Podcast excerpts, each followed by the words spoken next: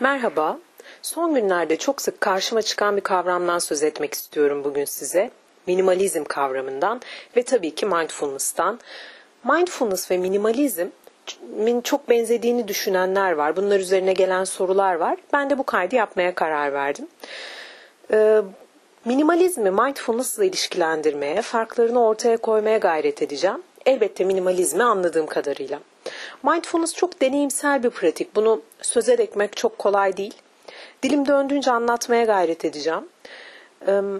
Mindfulness'ta o an dışarıdan ya da içsel uyaranlarla keşfettiğimiz her neyse bu deneyime odaklanma anın içinde olabilmekten söz ederiz. Burada başarısızlık ya da başarı söz konusu değildir aslında.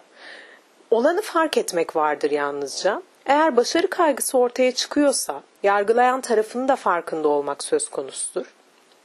Minimalizmde eşyaları atmak, minimum eşya ile bir hayat sürmek gayesi söz konusu ve burada acaba bu kadar az eşya yeterli mi? gibi bir yargıya kapı aralandığını düşündüm. Bunun yanında daha az eşya ile mutlu olmak, daha az insanla mutlu olmak, daha az kıyafetle zaman kazanmak gibi önerileri var. Dolayısıyla bunun mutlu olma çabasına ittiğini de düşünüyorum. Tüketmek de aynı şey e, aslında. Yani tüketimde de söz konusu olan bunu daha çok alırsan, daha fazla şey alırsan mutlu olursun. Minimalizmde de daha az eşyan olursa, daha az şey alırsan mutlu olursun gibi bir mesaj var. İkisinde de fark etmişsinizdir. Mutlu olmak bir hedef gibi sanki.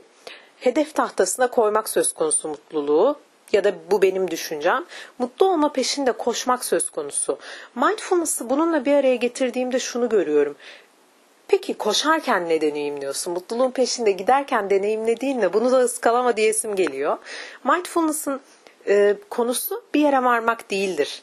Mutlu olma arzusuyla yola çıkmaktan söz etmez. Elbette ki hepimiz mutlu olmak isteriz ama bu e, bunu hedef tahtasına koyup hayatın geri kalanını kaçırmak söz konusuysa burada zaten anda değilizdir. E, dolayısıyla mindfulness sonuç olarak mutluluğu bulmanıza yardımcı olabilir. Yani vardığınız yerde mutluluk söz konusu olabilir. Ama acı çektiğiniz bir anda acıyı fark etmek de mindfulness'ın konusudur. Ee, dolayısıyla mindfulness mutlu olma amacıyla sizi yola çıkarmaz. Vardığınız yerde mutluluğun olması söz konusudur ama bunu da iletmeden geçemeyeceğim. Ancak mindfulness'ta koşu sırasında bir yere koşuyorsan da oraya koşarken ne oluyor? Belki e, yere bastığın topraktaki deneyiminle saçına vuran rüzgarı hissetmek senin için nasıl bir deneyim bunları da fark et diyoruz. Yani yolda olmanın deneyimine kendimizi açıyoruz aslında. Bunun yanında e, mindfulness'ın da minimalizmde özgürleştiren bir yanı olduğunu düşünüyorum. Minimalizmde biraz daha amaca yönelik bir yolculuk var az önce söz ettiğim gibi. E, mindfulness'ta getirdiği sonuçlardan bir tanesi de özgürlük olabilir. Ama dediğim gibi yine bu bir amaç değil. Minimalizmde daha az eşya, daha geniş alan, e, kıyafet seçmeye harcanan daha az zaman, karar vermekle kaybedilmeyen bir zamandan söz ediliyor. Yani aslında eşyalara, e, bağımlılıktan kurtardığını iddia ediyor insanları. Ekonomik ve zihinsel bir özgürlük doğuya böylelikle. Mindfulness'ta ne oluyor? Kişi bağımlı hissettiği, alışkın olduğu durumların alternatiflerini de yaşamaya merak edebiliyor. Yani evet her sabah kahve içiyorsun ama kahve içmediğin bir sabahın nasıl olduğunu da keşfetmeyi e, deneyimleyebilir misin diye soruyor mindfulness. Bunu bir zorunluluk ya da bir ihtiyaç şeklinde sunmuyor aslında. Bu da merak edebileceğim bir şey olabilir diyor. İnsanlara bunu düşünmeye sevk ediyor. Ve e, örneğin her gün aynı saatte kahve içiyorsam, o gün kahve kalmadıysa belki bunu da bir deneyim olarak görüp kahvesiz bir sabahın neler getirdiğini keşfedebiliyorum. Bunu özgürleşme hedefiyle değil, keşfetme merakıyla yapabiliyorum. Ve seçim yapma gücü bende. Bunu bir zorlamayla yapmıyorum. Ee, ancak alışkanlıklara takılıp kalmaktansa onlardan yol almayı deneyimliyorum. Bu özgürleştiren bir sonuca götürüyor beni.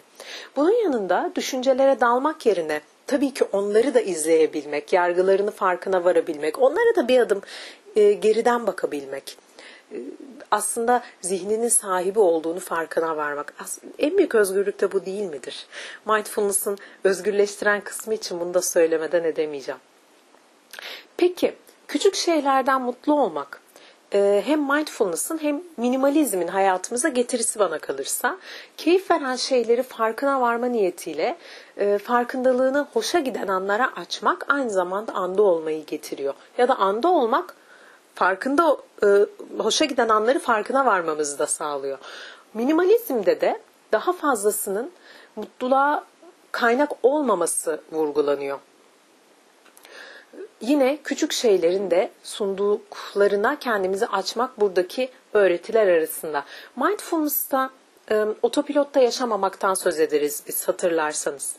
Anın duygusal deneyimine yani otomatik davranışlardan çıkıp duyularına temas etmeye, duygularına temas etmeye kişileri e, yönlendiririz. Bunu bu beceriyi geliştirmeye gayret ederiz. Yani aslında içtiğin suyun bile tadına varmak, bunun da keyfini fark etmek bir farkındalık anı getiriyor.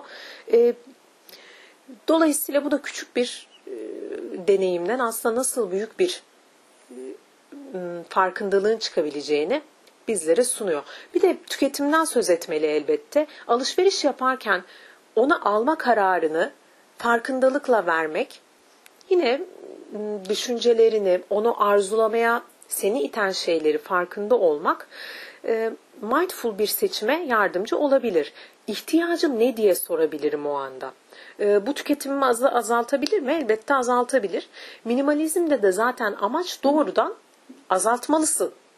Bu noktada uyuştuklarını düşünüyorum ama tabii ki mindfulness bunu bir öğreti olarak, yapman gereken şey olarak sunmaz. Kişi bunu yapabilir, buraya varabilir. Vardığı nokta minimalizmin öğretilerine biraz benziyor sanki.